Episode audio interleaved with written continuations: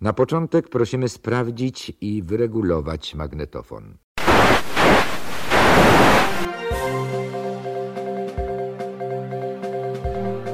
Szanowni Państwo, gościem wywiadu Wotum jest redaktor Dominik Cwikła, twórca portalu kontrrewolucja.net oraz gazety Rycerstwo, a rozmawiać z redaktorem Dominikiem Cwikłą będą Grzegorz Kawin i Łukasz Kopczyk. Dzień dobry Dominiku. Dzień dobry, szczęść Boże. Szczęść Boże. Wywiady Wotum. Tylko prawda jest ciekawa. Dominiku, opowiedz na początku kilka słów o sobie. Kim Hmm. jesteś, co robisz, czym się zajmujesz? No cóż, no nazywam się Dominik Cwikła. Generalnie od paru lat już tak wyszło, zajmuję się dziennikarstwem, chociaż szczerze mówiąc wcześniej nie sądziłem, że będę się tym zajmował. E, Pracowałem w sprzedaży, o, o czym już może w sumie raczej ludzie o tym nie wiedzą szeroko. E, Mam nadzieję niedługo w końcu obronić magisterkę zaległą z politologii. Wcześniej ukończyłem dziennikarstwo w Wyższej Szkole Kultury Społecznej i Medialnej w Toruniu. No poza tym prowadzę właśnie swój portal kontrrewolucja.net. Niegdyś też wydawałem gazetę Rycerstwo. E, Do niedawna pracowałem w mediach narodowych, wcześniej w Enchas.com, również w Sensie. No i generalnie raczej takie dziennikarstwo głównie było pisane o tej pory. Od niedawna coś tam próbuję z telewizją e, z różnym skutkiem. Ja dopytam tylko jeszcze o pracę w sprzedaży. Powiedz mi, na czym ta praca polegała? Dlaczego ją skończyłeś? Oj, oj, oj, no to teraz wszyscy znienawidzą, jak to powiem, ale okej. Okay. Generalnie byłem tym wstrętnym człowiekiem, który dzwonił e, ludziom na telefon i sprzedawał różne usługi. E, najczęściej to był telefon i internet. E, często też to byli już klienci firmy, dla której pracowałem akurat. No ale nie, nie tylko tego typu sprzedaż to była, no i głównie przy, przy, ona była skierowana do przedsiębiorców niż do osób prywatnych, choć do osób prywatnych również się zdarzało.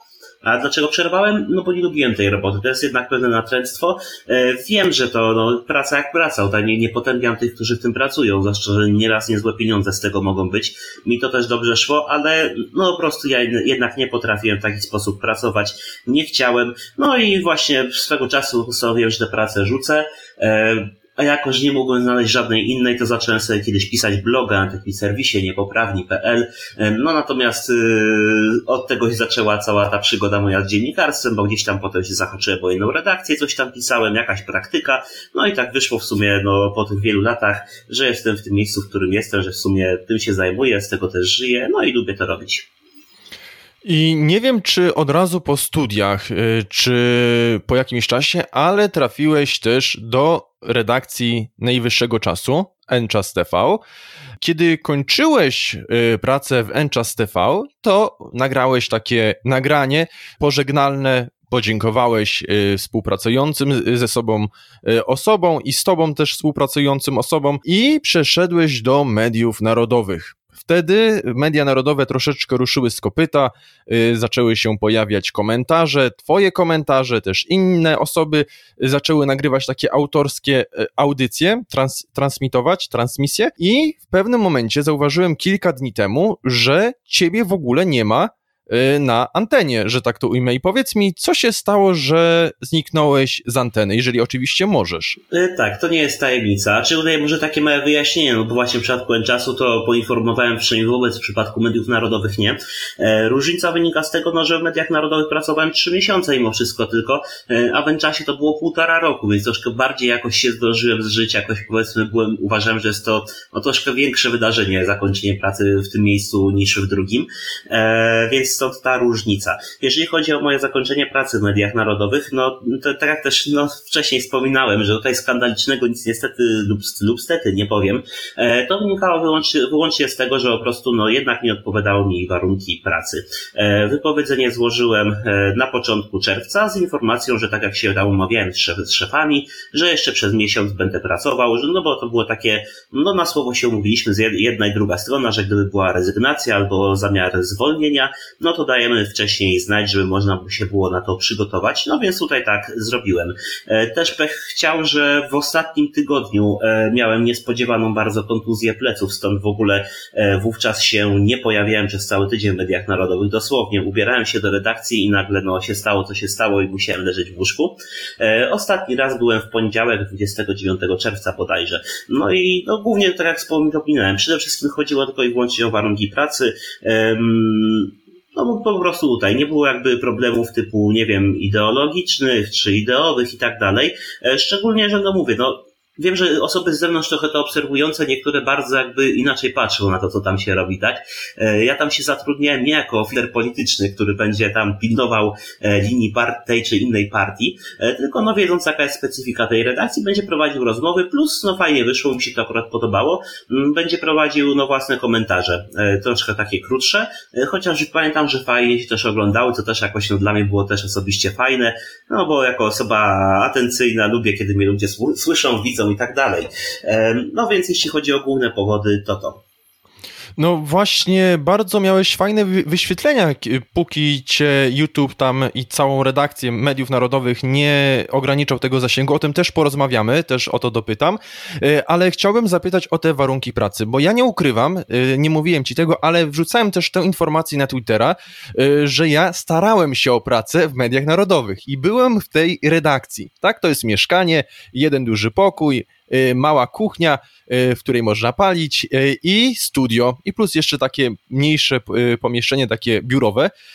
I Powiedz mi, jakie te warunki ci nie odpowiadały? Czy chodziło na przykład o warunki, kiedy musisz czekać przed wejściem na antenę na przykład, tak? Bo tam jest taki jeden duży pokój, w którym no, przygotowujesz się do pracy, e, ale też tam inni ludzie przychodzą, czy po prostu yy, warunki finansowe, o które teraz nie chcę cię w żaden sposób pytać, bo to jest twoja sprawa prywatna. Jakie te warunki były, które sprawiły, że zrezygnowałeś z tej pracy?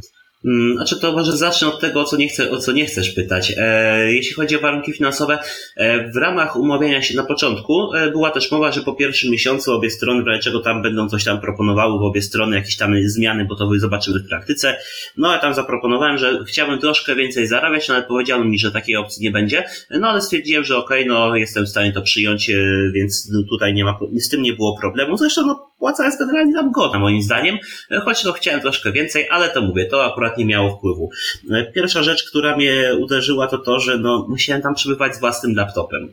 E, no, no bo tam trzeba być przez 8 godzin na dyżurze, tam staram się zawsze przygotować wcześniej oczywiście programy, czy tam omawiać na bieżąco, no plus trzeba być właśnie, żeby gdyby coś się nagle pilnego stało, no to żeby rozmowę przeprowadzić. Na przykład z prezesem Rot Niepodległości Stowarzyszenia Marsz Niepodległości Robertem Bąkiewiczem, no to najczęściej były takie rozmowy raczej e, w większości przypadków e, z tych, które ja prowadziłem, no właśnie takie, że coś się wydarzyło i szybko komentujemy. E, no więc trzeba było mieć swój laptop, żeby te informacje szukać i tak dalej, na bieżąco być. No i dla mnie to było uciążliwe, no i zwróciłem uwagę, że to jest problem, no i wiedziałem, że to nie będzie zmienione. Druga rzecz, tutaj nie chcę za bardzo w szczegóły wchodzić, chodzi o kwestię miniatur. Akurat tam pewna osoba, która w sumie moim zdaniem nie powinna w żaden sposób mieć na to wpływu, bo to nie jest żadna osoba tam z zarządu, ani nikt taki, tylko osoba techniczna, e, mogła usuwać sobie miniaturę tuż przed transmisją e, z filmu na YouTubie, gdy uznała ją za niemoralną w jej mniemaniu, e, podczas gdy ta, no właśnie definicja amoralności była bardzo no ciężko mi właśnie nawet to nazwać, purytańska, że tak to określę. No a wiadomo, na YouTubie w momencie, gdy nie ma miniatury, to oglądalność spada, YouTube pewnie też ogranicza zasięg, a poza tym ludzie, no nie oszukujmy się, bardzo się kierują atrakcyjnością wizualną, zanim wcisnął w ogóle w ten film. No więc w praktyce to był sabotaż no, tej osoby mojej pracy, no i też całej redakcji. Nie bardzo chciałem po prostu jakby w ten sposób pracować, ja zgłosiłem, że to jest dla mnie też problem, ale no też dostałem informację, że e, nie będzie to zmienione, że taka sytuacja może wystąpić. No i to, no te, te, te dwa powody, które wymieniłem, to są główne, które miały wpływ na to, że odszedłem. Wspominasz o tej osobie, Ta, czy mówisz o tej pani, dziewczynie, nie, która nie, nie, tam... Nie, nie, nie, nie, o tej? Chodzi, Rozumiem. chodzi o jednego pracownika, który tam się publicznie pokazuje, więc nie chcę też jakby go ujawniać, bo nie ma sensu. w porządku. Y, no natomiast istotne jest to, że mówię, moim zdaniem taka osoba, która się zajmuje właśnie tym, czym, czym się zajmuje, no nie powinna mieć na to wpływu. Szczególnie, że kilka razy jej argumentacja była po prostu błędna. Rozumiem. Y, wspomniałeś też o Robercie Bąkiewiczu. Mhm. Y, I powiedz mi, czy jego działania polityczne y, miało, miały wpływ na pracę redakcji mediów narodowych? Twoją pracę, czy na przykład pracę Agnieszki Jarczy, która często się tam pojawia? Znaczy, no z pewnością. Agnieszka Jarczyk tam jest właśnie też stałym redaktorem. E, z tego co wiem, tam zostaje. E, jeśli nas odsłucha, to pozdrawiam serdecznie, bardzo sympatyczna osoba. E, Robert Bąkiewicz, no on jest szefem tego wszystkiego, więc z pewnością jakiś wpływ tam ma. Natomiast jakby no Robert Bąkiewicz, no on nie był jakby moim bezpośrednim przełożonym, tak?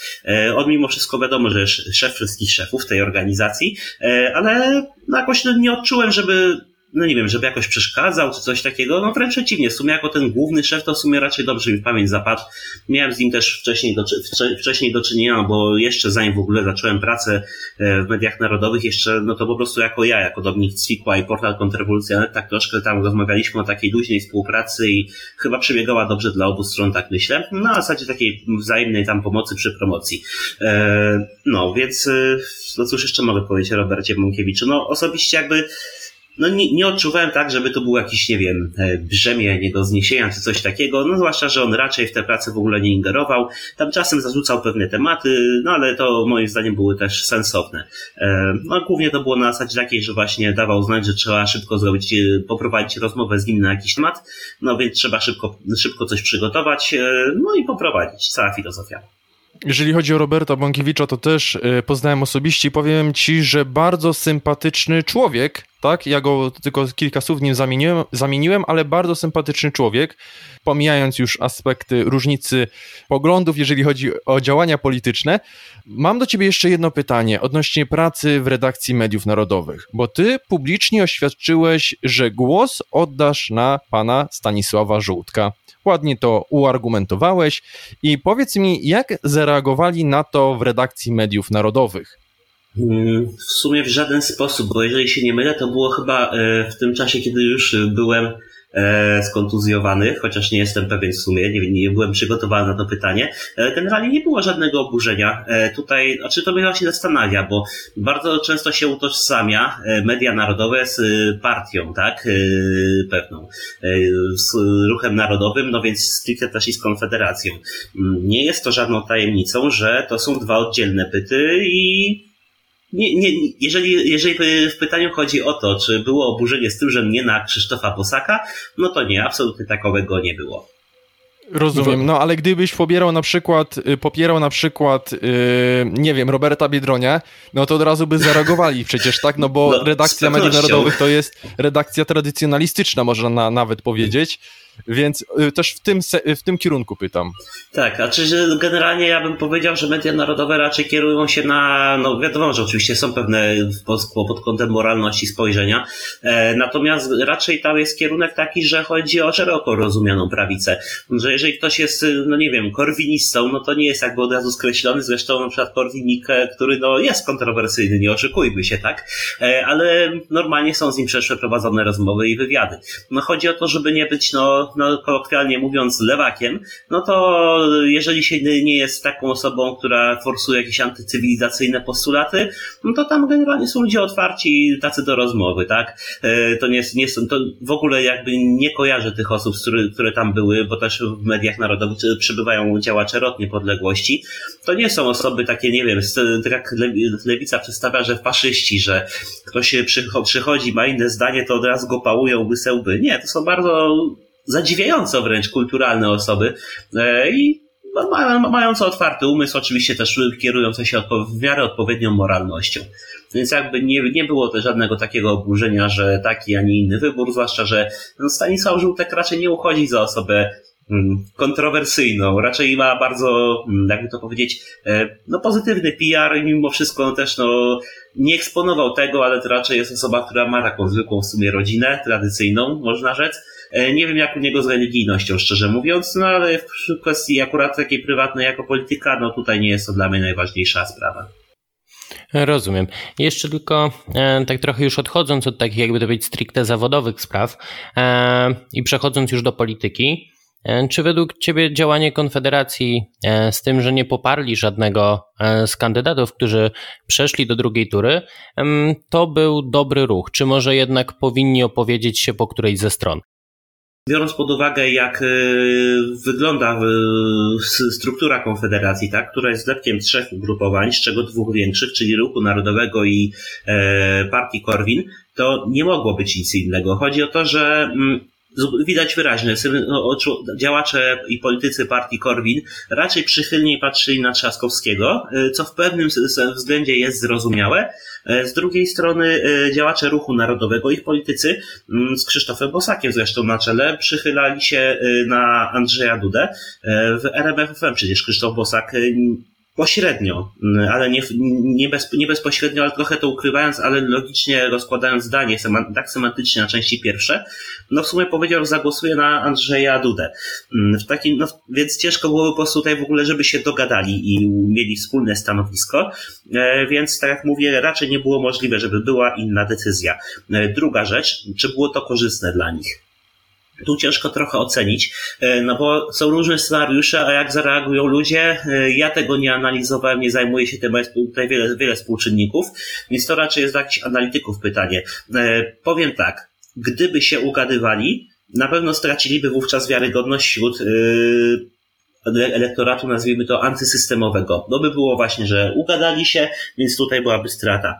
Z drugiej strony brak ugadywania się e, zniechęca powiedzmy niezdecydowanych wyborców, którzy jednak no, nie są jakoś, że tak powiem, fanatyczni, fanatycznymi wyznawcami Konfederacji, E, a którzy właśnie widzą w tym dbanie o swój interes. Nie mówię, że to było tutaj takie kierowanie się, no bo ten brak poparcia jest pewnym też no, pozytywem, tak? Nie ma właśnie przypisania łatki, no bo gdyby poparli e, Dudę Konfederaci oficjalnie jako całość, no to w tym momencie cała totalna opozycja by położyła kreskę na Konfederatów i by w nich waliła o wiele ostrzej niż wcześniej. Z drugiej strony, gdyby poparli Trzaskowskiego, no to wtedy całe te media reżimowe i proreżimowe by też waliły w Konfederację konfederatów i zamknęliby im drzwi. Inna sprawa, że na co, w ciągu roku i tak są te drzwi zamknięte.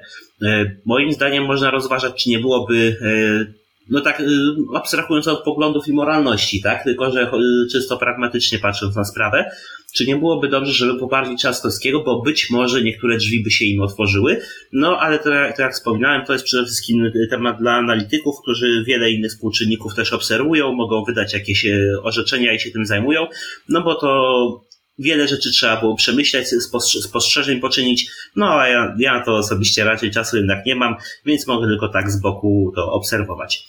E, jeszcze też tak wspomnę, że moim zdaniem jest trochę właśnie słabo wyszło z tym, że było to pośrednie poparcie przekazane e, ze strony ruch, polityków ruchu narodowego e, na Andrzeja Dudę. To jak mówię, ono nie było bezpośrednie, oczywiście, ale widać wyraźnie, że w tym kierunku to zmierza. I to może też zniechęcać osoby o poglądach wolnościowych, czy osoby, które są, powiedzmy to, antypisem, które byłyby skłonne być może na Konfederację zagłosować, no bo właśnie pojawia się tutaj taka opinia, że, e, no, że będą to drugie Andruszkiewicza i tak dalej. E, moim zdaniem to jest przesadzona akurat opinia, bo jeśli chodzi o ruch narodowy, to nie będzie takiego przejścia.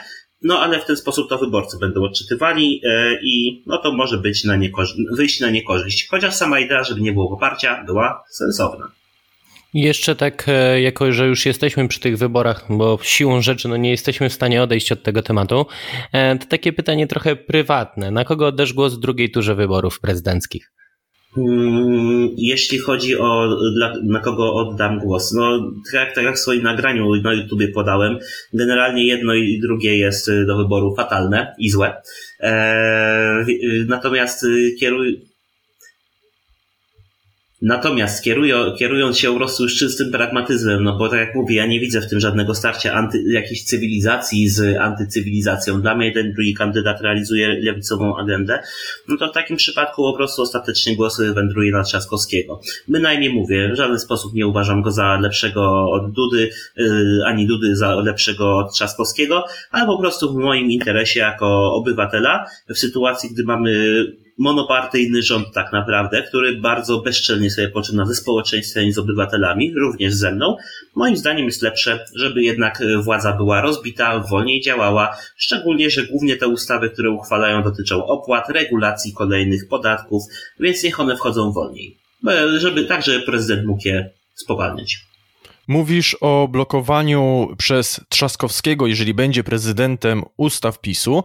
I teraz y, powiedz mi, co o tym sądzisz, bo PiS będzie musiał nawiązać wówczas współpracę y, z Konfederacją, z PSL-em na przykład, tak, i Kukiz 15. Y, I powiedz mi, czy prezydent Trzaskowski, tak, jeżeli będzie prezydentem, powiedz mi, czy to otwiera y, dla Konfederacji nowe możliwości, bo wspomniałeś też o nowych możliwościach, które mogą się pojawić, jeżeli Trzaskowski będzie prezydentem. PiS nie będzie układał się z Konfederacją. W żadnym wypadku? W żadnym wypadku. E, PiS, PiS e, bardzo twardo broni siebie jako jedynej prawdziwej, patriotycznej, prawicowej, katolickiej opcji w kraju. E, konfederatów jadą, że tak powiem, jak, przepraszam za określenie, jak górą sukę, ponieważ układanie się z nim musiał być przyznaniem, że słuchajcie, okłamywaliśmy was, to nie są ruskie onuce, to nie są chłopcy w krótkich spodenkach, to są poważni politycy. Nawał propagandy, jaki był użyty, żeby taki wizerunek wykreować wśród swoich sympatyków przez PiS, e, jest tak wielki, że gdyby po prostu to zrobiono, e, no po prostu do wielu osób starszych, tak? Mam tutaj na myśli powyżej 50 i 60 roku życia, dotarłaby informacja, że jednak Konfederacja właśnie to nie jest agentura rosyjska, tylko to są konserwatyści, to są osoby, które chcą dobrze, które mają sensowne argumenty w ogóle i spojrzenie na kraj. E, i w związku z tym po prostu PiS straciłoby dramatycznie oparcie i być może by wykreowało faktycznie Konfederację na potężną siłę, która by mogła nawet PiS zastąpić. Politycy PiS tego nie zrobią. Ja przypominam zawsze, że struktura demograficzna naszego państwa, jeśli chodzi o wiek, jest taka, że powyżej 50 roku życia mamy większość, zdecydowaną większość e, obywateli tego kraju. E, oczywiście, my sobie rozmawiamy tak, czy osoby młodsze od nas mamy już inne poglądy, ale to jest i tak o wiele mniejsza e, część społeczeństwa niż te osoby powyżej 50 roku życia, które albo słabo obsługują internet, albo w trochę dziwny, że tak powiem, uparty i niono-religijny sposób. E, w związku z tym dla nich główne źródła informacji to są gazety, Gazeta Polska, Wyborcza, TVN, TVP i tego typu media. Więc absolutnie PiS nie będzie rozmawiał z Konfederacją, jestem o tym przekonany.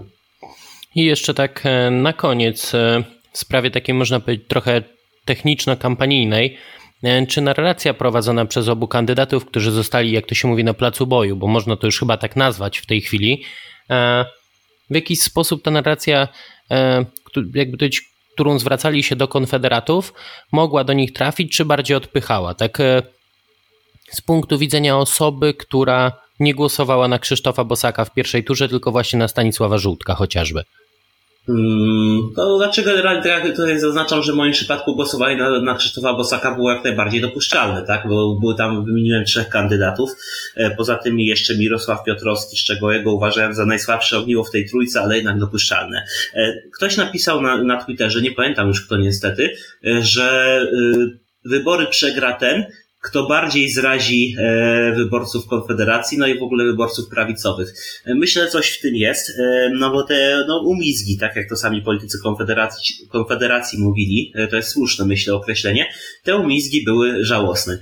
Na przykład, no, Andrzej Duda, który mówi, że no, Konfederaci to są dobrzy patrioci i tak dalej, Tomasz Sakiewicz rozmawiający z, po, z politykami, politykami Konfederacji, no dopiero co ich wyzywał właśnie od ruskich onuc wyborców też y, no, pośrednio w sumie atakował, że to są jacyś pożyteczni idioci i tak dalej, że w ogóle to jest zło i w ogóle, a tu nagle, no patriotyczne bardzo, tak, no sensowne, mhm.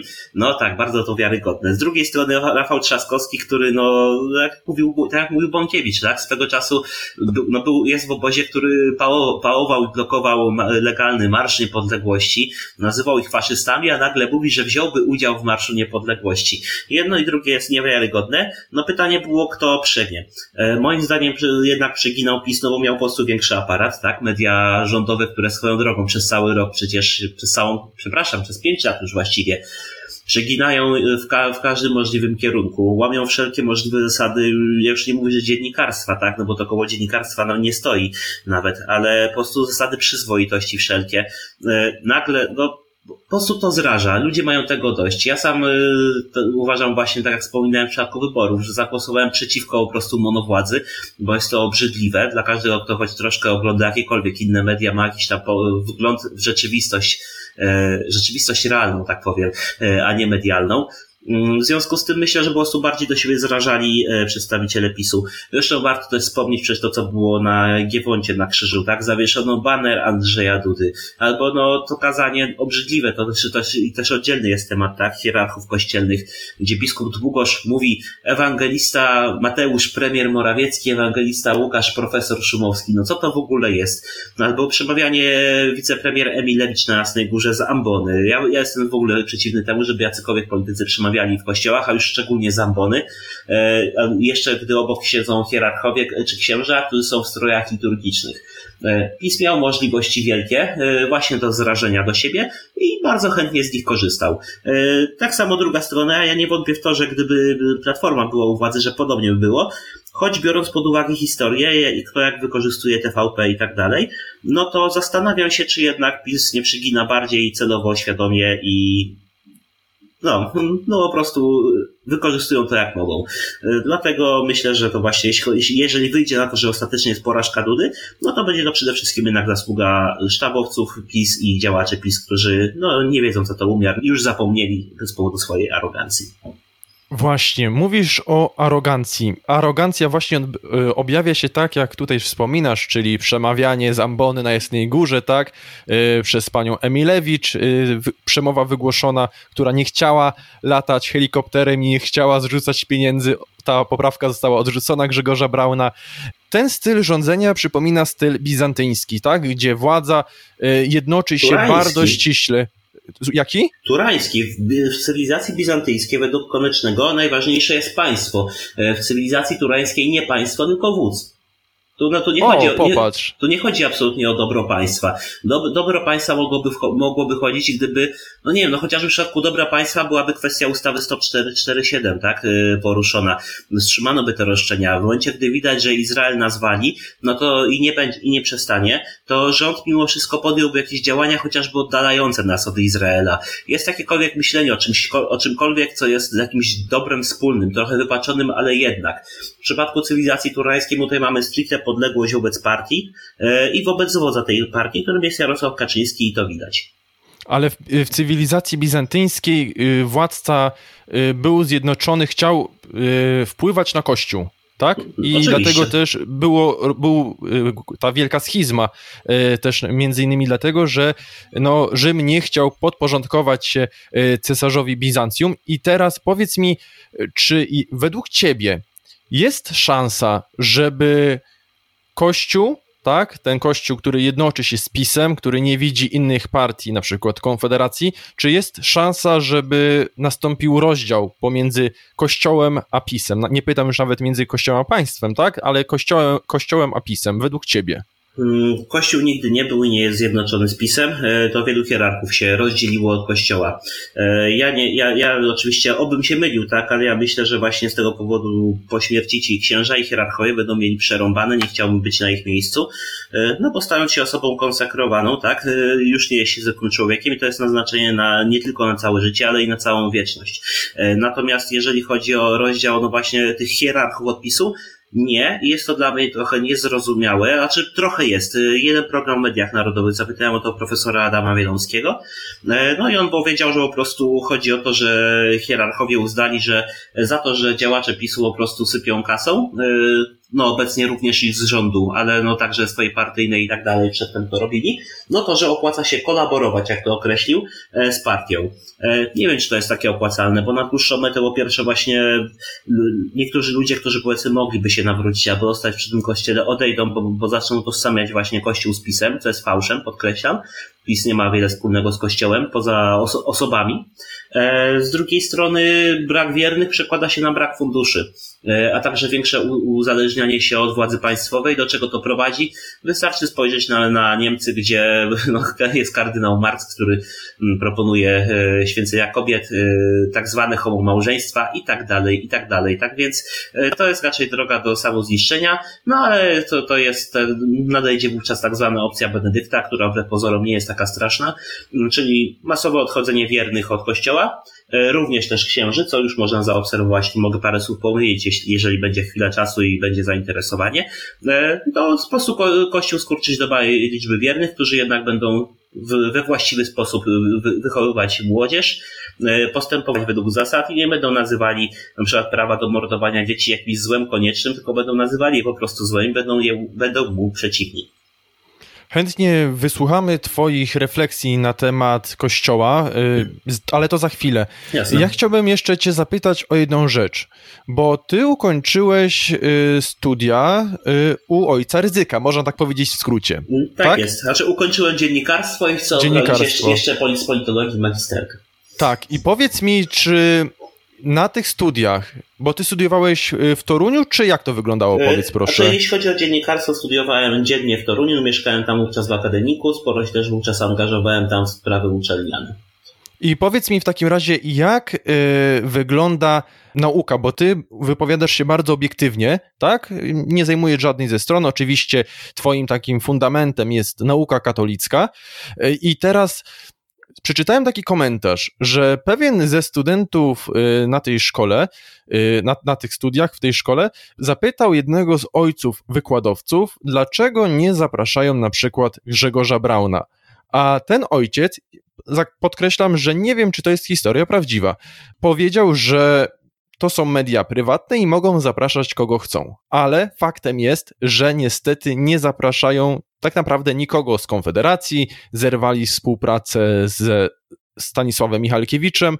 I powiedz mi, czy podczas, kiedy pobierałeś tam nauki, takie formowanie w kierunku PiSu na przykład y, było widoczne, czy taka obiektywność dziennikarska była bardziej promowana, forsowana? No się uczciwie mówiąc, nie ma co ukrywać, że widać było, że tam jeśli chodzi o PiS, to przebijały się takie osoby i taka myśl, natomiast od razu uczciwie mówię, że to nie było jakoś ultranatrętne.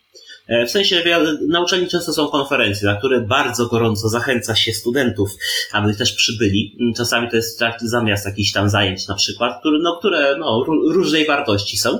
E, no to wówczas y, też możemy słuchać tych polityków. E, no ale jest możliwość zadawania pytań, tak? Więc y, zawsze można jakoś to powiedzmy sobie zweryfikować. No więc tak, jest, jest tam pewne forso, no, for, nie, forsowanie to za mocne słowo. Jest tam pewna promocja polityków PiS, ale nie jest ona jakaś taka fanatyczna, nie ma czegoś takiego, że nie wiem, ktoś powie, że popiera kogoś innego, tego wywa się wywala, czy utrudnia życie. E, nie, ja, ja się obnosiłem z tym, że ja nie popieram PiSu i nie miałem z tym problemu, wręcz przeciwnie. E, paru też znajomych e, obecnie są działaczami, czy to e, w partii Korwin, czy w Ruchu Narodowym, e, też się z tym obnosili. Niektórzy niesamowicie, e, no i nie mieli jakoś z tym problemów. Więc to nie powiedziałbym, że jest tu jakaś indoktrynacja pod tym kątem. Wspomniałem jeszcze, że będę Cię pytał o Facebooka, YouTube'a i tak dalej, o tę cenzurę. Y, I powiedz mi, jak można temu przeciwdziałać według Ciebie? Cenzurze w mediach społecznościowych? Tak. E, za bardzo, nie bardzo, nie bardzo jest jak. To znaczy, można byłoby to zrobić na poziomie naprawdę jakichś wielkich funduszy i dużej organizacji. Na przykład, mam, na przykład mam tu na myśli państwo, bo gdyby szanowne media publiczne, hehe, E, gdyby zaczęły podejmować ten temat i go nagłaśniać, tak, również te serwisy zagraniczne, no to można byłoby wymusić jakieś traktowanie trochę inaczej po prostu użytkowników polskich, tak. Natomiast e, nie bardzo widzę opcji, żeby inny sposób temu przeciwdziałać. Ja pamiętam, że e, Facebook na przykład odwołał swoją decyzję o blokadzie, gdy walnął w kilka, siatkę takich pewnych fanpage'y, które łącznie naprawdę miały gigantyczny zasięg i jeszcze, a część powiązanych jeszcze też to nagłaśniała informacja przebiła się do głównych mediów, zaczęto o tym mówić, wówczas Facebook wycofał swoją decyzję. E, natomiast e, to, że będzie oburzenie, coś jest niby w powszechnej świadomości, w żaden sposób tego nie, nam to nie wpłynie. E, luźna propozycja taka, gdyby na przykład na poziomie państwowym stworzyć jakąś instytucję, która zajmowałaby się pozywaniem Facebooka na wniosek użytkownika, który to udokumentuje dobrze, tak, co za co zostało usunięte i rzeczywiście to usunięcie było, złamane, było niezgodne z regulaminem, e, no to wówczas można byłoby wymusić, że po prostu korporacja siłą rzeczy zaczęłaby przestrzegać własnego regulaminu. Bo tak jak ja też podkreślam, ja nie mam pretensji o to, gdyby jakiś serwis blokował użytkowników i gdyby to było w regulaminie, że z tego powodu będzie blokował. Okej, okay, ma prawo, tak? Ale w momencie, gdy jest mowa, że blokujemy za mowę nienawiści, potem jest usuwanie treści pod pretekstem mowy nienawiści, ale y, post nie, nie łamał w żaden sposób zasad, zasad ustanowionych przez Facebooka, wówczas jest to bezprawne. Z tym, że ja jako pojedynczy użytkownik nie mam możliwości realnie y, wymusić na korporacji, y, żeby tę treść przywróciła, ani żadnego odszkodowania uzyskać i tak dalej. E, natomiast w sytuacji, gdyby to było na poziomie państwowym, byłby na to fundusz, tak, byłoby wsparcie dla tego typu projektów, e, no to wówczas można byłoby coś z tym zrobić. E, wiem, że trochę do niektórym może być śmiesznie, tak, że powoływać instytucje do walki z Facebookiem, no ale tak naprawdę to jest problem, który dotyczy wielu użytkowników Państwo mogłoby też na tym zarobić, bo można byłoby z tego odszkodowania zgarniać. No plus pamiętajmy oczywiście, że niektórzy tworzą biznesy pod kątem mediów społecznościowych, są wielkie pieniądze, zatrudnia się wiele osób, a media społecznościowe mogą to zniszczyć. No tutaj jako podam przykład, no Enchas.com, w którym pracowałem, y, gdzie gdy zaczynałem, tak, y, głównie wejścia były na podstawie aplikacji googlowskiej oczywiście, tak, y, no ale w momencie, gdy zaczynałem tam pracę, to wówczas mieliśmy tam 6 do 9 milionów odsłon miesięcznie, w momencie tuż przed rozpoczęciem tej permanentnej blokady wszędzie, tam, tam było bodajże coś koło 80 milionów, więc to był niesamowity skok. Zatrudniono kolejne osoby, były podwyżki, na to nagle ciach, e, spadek po prostu o no dziesięciokrotny, tak? Firma zaczyna tracić. Są ludzie, którzy z tego żyją, z tego się utrzymują, szefowie przecież też się z tego utrzymują, no a dlatego, że koncern informatyczny sobie zadecydował, że to coś jest mową nienawiści tak zwaną, chociaż wcale nie było, e, po prostu niszczy się ludziom życia.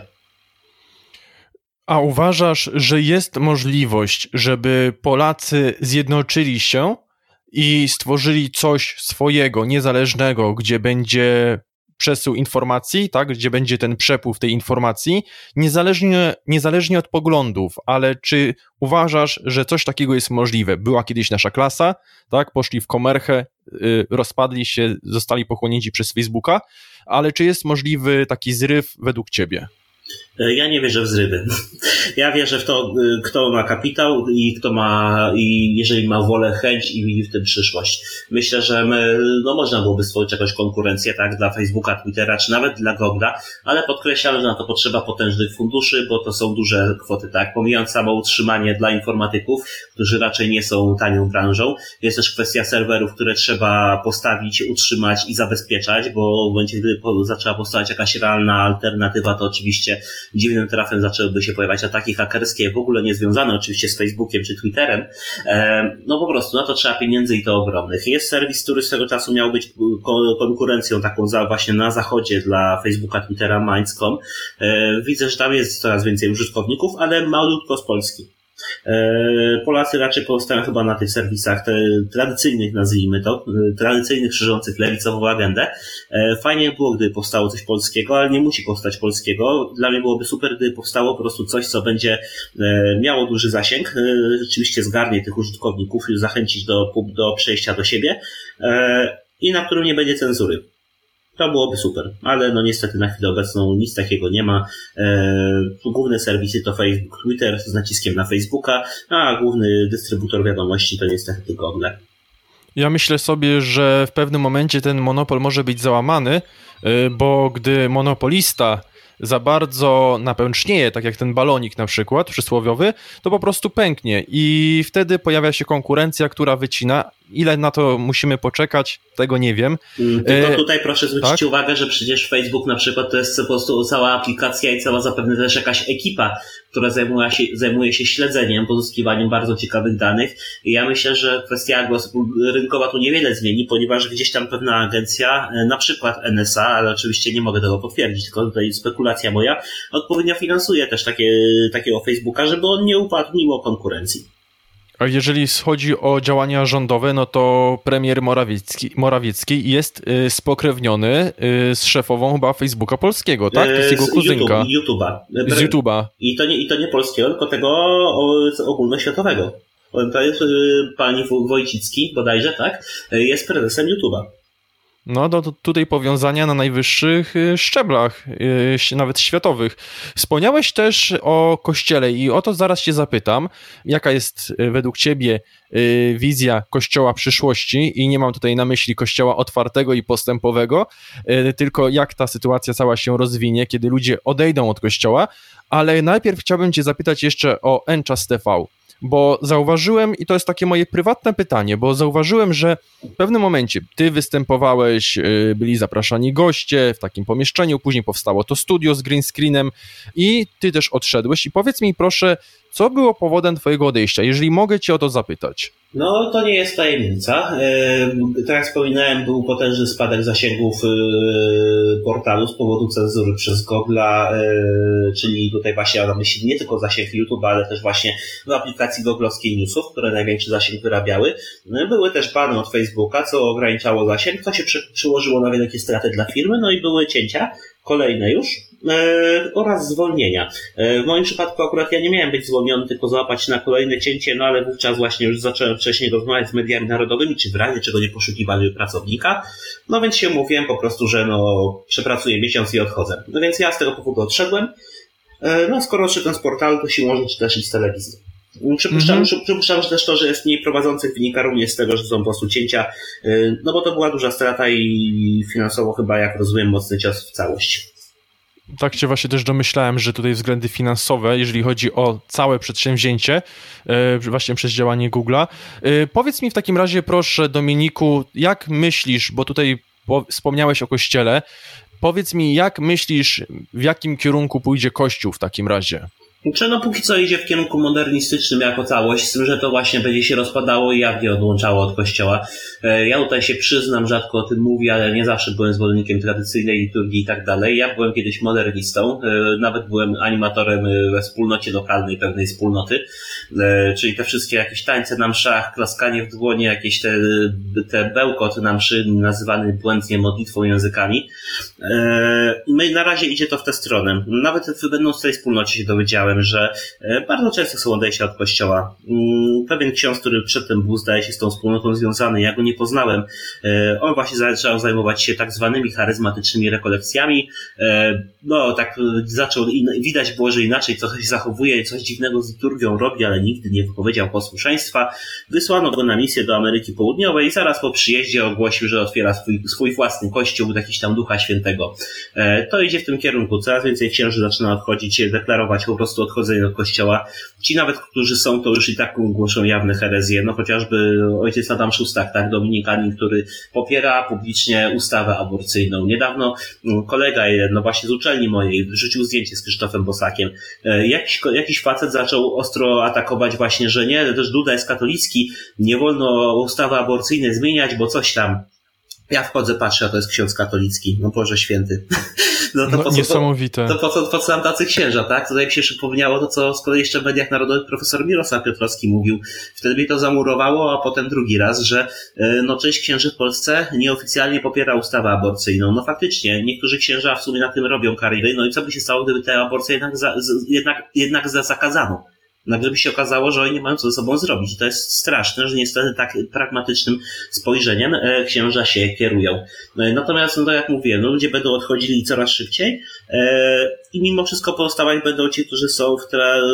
którzy są bliżej trady... tradycji, w sensie przez duże te, czyli te osoby, które no przynajmniej pilnują tego, żeby ta nowa msza była godnie odprawiana i nie, nie robią jakichś aberracji, a także ci, którzy no, te wspólnoty, które są związane wokół e, rytu trydenckiego, tak zwanego. No bo tak naprawdę tam widać po prostu pewną różnicę cywilizacyjną, nawet jak się z tymi ludźmi rozmawia, jak się zachowują, również publicznie. E, no to jest inna cywilizacja, wymierająca cywilizacja łacińska w mniejszości, ale ona się jakoś tam ostoi w małej ilości i myślę, że potem od tego jest szansa właśnie, że potem oni zaczną za, za kilka pokoleń, że zacznie się po prostu reewangelizacja Europy, która obecnie jest pogańska, e, również w Polsce moim zdaniem. Jeżeli księża będą występować przeciw aborcji, no to wtedy sprzeciwią się rządowi, a wtedy kurek z pieniędzmi zostanie przykręcony, więc tutaj wszystko jest powiązane i niestety kapłani stają się mniej waleczni, stają się tacy, no jak letni, tak? Wspomniałeś, ja wiem co to znaczy, ale wspomniałeś, y, że y, dzisiaj panuje modernizm. I powiedz nas, naszym słuchaczom, czym jest tak naprawdę modernizm, bo część słuchaczy może nie znać tego pojęcia, y, no kapłani też nie mówią tak, nie chwalą się, jesteśmy modernistami, precz z tradycją, tylko po prostu no, mówią, że tradycja to już jest teraz nowy i tak dalej. Powiedz mi, czym jest modernizm, jak to się objawia jakie szkody przynosi Kościołowi. Znaczy ja tutaj znaczy, że ja troszeczkę jakby, na, jakby poszerzam te definicje niż klasyczny modernizm, no bo, znaczy klasyczny modernizm, w sensie ten, ten pierwo, y, to co jest pod definicją modernizmu, no bo modernizm... Opisanej w, y, opisanej w encyklice Piusa X, tak? Pastendi tak Domini Gre Gregis. Tak, a znaczy chodzi o to po prostu, że to po prostu niektóre rzeczy traktują jako konsekwencje lub jakoś współzależne od tego, tak? No w skrócie mówiąc, modernizm to jest pewna herezja, która zakłada, że można zmieniać naukę Kościoła wedle własnych potrzeb e, do bieżących sytuacji, również te kwestie moralne, przede wszystkim moralne. E, ja pod tym pojęciem z kolei rozumiem również wiele aberracji liturgicznych, a także takich no, postaw zwykłych, tak, e, ludzi, no chociażby właśnie w kwestii, no chociażby tych politycznych wyborów, jak na przykład to właśnie, że najpierw się broni życia, a potem, gdy można jednak właśnie go realnie bronić, ma się władzę, no to jednak nie po coś tam, no i się szuka argumentów, żeby to zmienić. Jeżeli chodzi o modernizm w Kościele, e, no to właśnie kwestia zmian liturgicznych, e, łamania ich w ogóle zasad, tak? Rzecz, które niewiele osób nadal wie, e, nawet jak jest msza. To, że my, to, że kapłany odprawiają w języku polskim i przodem do ludzi, to jest zaledwie dopuszczane przez y, so, sobory kolejne, tak? Bo według standardowego ustawienia, to tak nazywam, według ogólnego wprowadzenia do mszału rzymskiego, y, nowus ordo powinno się odprawiać y, przodem do krzyża, ad orientem i w języku łacińskim. Natomiast język narodowy jest tylko dopuszczalny. Ja mam pytanie takie do każdego słuchacza, czy chociaż kto, czy ktokolwiek ze słuchaczy był kiedykolwiek na takiej zwykłej mszy, ale po łacinie i tyłem do ludzi przez księdza odprawianą?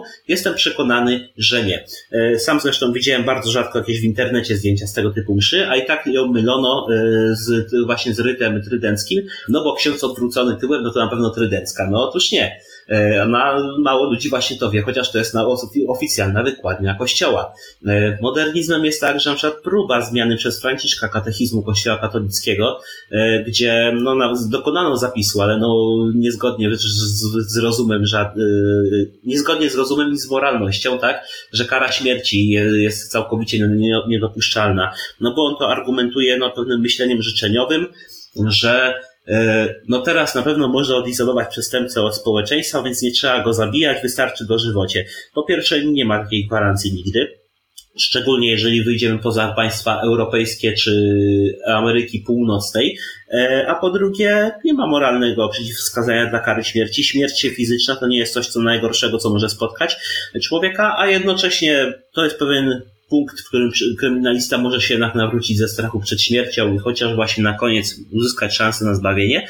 No i też działa oczywiście odstraszająco w ogóle na element przestępczy. W momencie, gdy przestępca wie, że prawnie nic mu się, no, prawnie nie umrze, e, nie ma takiej możliwości, żeby go legalnie uśmiercić, no to to sprzyja wzrostowi, sprzyja e, temu, że wzrasta przestępczość. E, inny jeszcze modernizm, no to właśnie próba forsowania kobiet na kapłanów, co jest oczywiście śmieszne. Komunia, udzielanie komunii świętej do ust czy na ręce w ogóle teraz, co jest w ogóle niesamowite, e, bo teraz w, w okresie, gdy ten koronawirus panował, no to bardzo często łamano przepisy liturgiczne, w których jasno się stwierdza, że nie wolno nikogo zmuszać do mniej godnej postawy do przyjmowania Komunii Świętej. Komunia Święta jest tylko i wyłącznie dopuszczalna na rękę, natomiast na klęcząco to ustnik nie może zabronić. No a teraz właśnie pod tym pretekstem nagle się okazało, że mm, bardzo chętnie jednak ten przepis likwidowano. Ja też powiem, że tutaj w parafii, gdzie obecnie mieszkam, w Warszawie na Białołęce, e, świętego Szczepana, e, ja pamiętam taką sytuację, że e, w okresie świątecznym jeszcze przed koronawirusem, w trakcie mszy, w trakcie liturgii mszy świętej zorganizowano jasełka, bardzo no, no, takie infantylne, z przebieraniem się i bieganiem po e, kościele. E, w trakcie mszy świętej, rzecz niedopuszczalna, tak? E, no bo to nie jest liturgiczne i to było moim zdaniem aberracja, nie wiem czy pod profanacji nie podchodziło. No ale oczywiście to było w myśl, że Pan Bóg się nie obrazi. Ja, ja tego nie jestem pewien, czy się nie obrazi. Natomiast z kolei, gdy przyszło co do przepisów właśnie pod pretekstem epidemii, to bardzo chętnie właśnie powołano się na przepisy, zachęcano wręcz, bo zachęcał, żeby nie przychodzić na mszę świętą, chociaż tam te pięć osób jest dopuszczalne. No i właśnie komunia święta, no to na rękę, a nie do ust chociaż nie ma ku temu logicznych względów. Ja ci powiem, że kiedy stanąłem y, w obronie Komunii Świętej naklęczącej do ust i nawet opublikowałem tam y, taki filmik na tej grupce katolickiej, tam chyba jedyna prawdziwa, coś tam słuszna. Kato je jawka, tak. Tak, y, to zostałem tak zjechany przez tych modernistów, że którzy też podają się niby za tra tradycjonalistów, że to jest po prostu nie do pojęcia i to są młodzi ludzie, którzy no, będą później te tradycje, nowe tradycje w cudzysłowie i przez małe te... Przepra przepraszam, przerwę, ale Kato i Jawka to jest grupa zinfiltrowana przez partię, moim zdaniem. Ja sam doszedłem, no bo wiedziałem, że to nie ma sensu i logiki. W momencie, gdy się blokuje treści prokatolickie, a wyłuszcza się jakieś treści, które no, de facto są propartyjne, no to ja przepraszam, ale nie mam na to nerwów. Powiem ci, że ja też właśnie ten mój film został usunięty i tam działa właśnie, znaczy ja nie wiem, czy jest zinfiltrowana, zinfiltrowana. Jeszcze dobrze, po, właśnie, wybacz. A y, tutaj po prostu tam działa taka grupa osób po prostu z nastawieniem modernistycznym, tak? Po prostu, więc no tutaj y, chyba też się z tej grupy wypiszę. Y, powiedz mi jeszcze, Dominiku, bo już będziemy kończyć, czy masz jeszcze coś do powiedzenia naszym słuchaczom? O, to bardzo ogólne hasło. E, tak. No cóż, co, co, co ja mogę powiedzieć? E, pilnujmy się z tym może, ponieważ no, wybory się skończyły, więc zaraz trzeba będzie na wszystkich zapysk chwycić, że tak powiem. E, bardzo bardzo pilnujmy tego, co mówi minister zdrowia Łukasz Szumowski. On co chwila zmienia zdanie, my to wiemy, oczywiście śmiejemy się, ale bardzo dobrze było, gdybyśmy byli w stanie wszyscy bardzo szybko zareagować gdyby Szumowski znowu zaczął straszyć epidemią, że trzeba przywracać restrykcje. Nie dajmy się i nie rzucajmy ogólnych haseł, tylko przypominajmy jego wypowiedzi i ukazujmy ich manipulacje, instrumentalne traktowanie, żebyśmy nie dali się znowu pozamykać w domach yy, pod przymusem i pod karami pieniężnymi wysokimi, no bo y, myślę, tutaj jest y, tutaj pierwszy punkt zagrożenia na najbliższy czas. E, no a po drugie, pozwolę sobie tak na bezczela zachęcić oczywiście, żeby czasem wejść na portal Kontrrewolucja.net, y, na tym też już nas zdjęto nasz profil. E, na Facebooku mamy ograniczony zasięg, ponieważ demagog orzekł, że jesteś, że puściliśmy fake newsa, chociaż w ten sposób tego nie obalił. E, tak więc zachęcam, żeby po prostu wejść po prostu osobiście. Zawsze będzie fajnie, jeżeli tam jacyś nowi czytelnicy się pojawią i jeśli będą pamiętać, a nie tylko polegać na mediach społecznościowych, które cenzurują to, co jest nieprawomyślne. Więc ja serdecznie też zachęcam słuchaczy, przyłączam się do tej zachęty, y, aby wchodzić na kontrrewolucja.net, y, czytać artykuły, lajkować, zapisać się do newslettera, bo widziałem, że u ciebie jest opcja newslettera. Y, był, ale jest już nieaktywny, bo niestety ludzie nie korzystają z niego. No właśnie, Aha. media społecznościowe niestety triumfują. Wyparły wszystko, tak. No w takim razie do lajkowania na Facebooku, do podawania przede wszystkim artykułów i do zaglądania częstego na portal kontrrewolucja.net. Bardzo Ci, Dominiku, dziękuję za to, że przyjąłeś nasze zaproszenie, że tak podzieliłeś się szczodrze z nami informacjami na wiele tematów i wszystkiego dobrego. Bardzo dziękujemy. Dziękuję również za zaproszenie. Do usłyszenia być może jeszcze kiedyś z Panem Bogiem. Z Panem Bogiem. Słuchałeś podcastu Wotum. Jeżeli nie chcesz przegapić kolejnego wywiadu, obserwuj nas na Spotify lub na innych platformach podcastowych. Polub nasz fanpage na Facebooku. Subskrybuj kanał Wotum na YouTubie. Nie zapomnij również skomentować i dać łapki w górę. Wszystkie linki znajdziesz w opisie.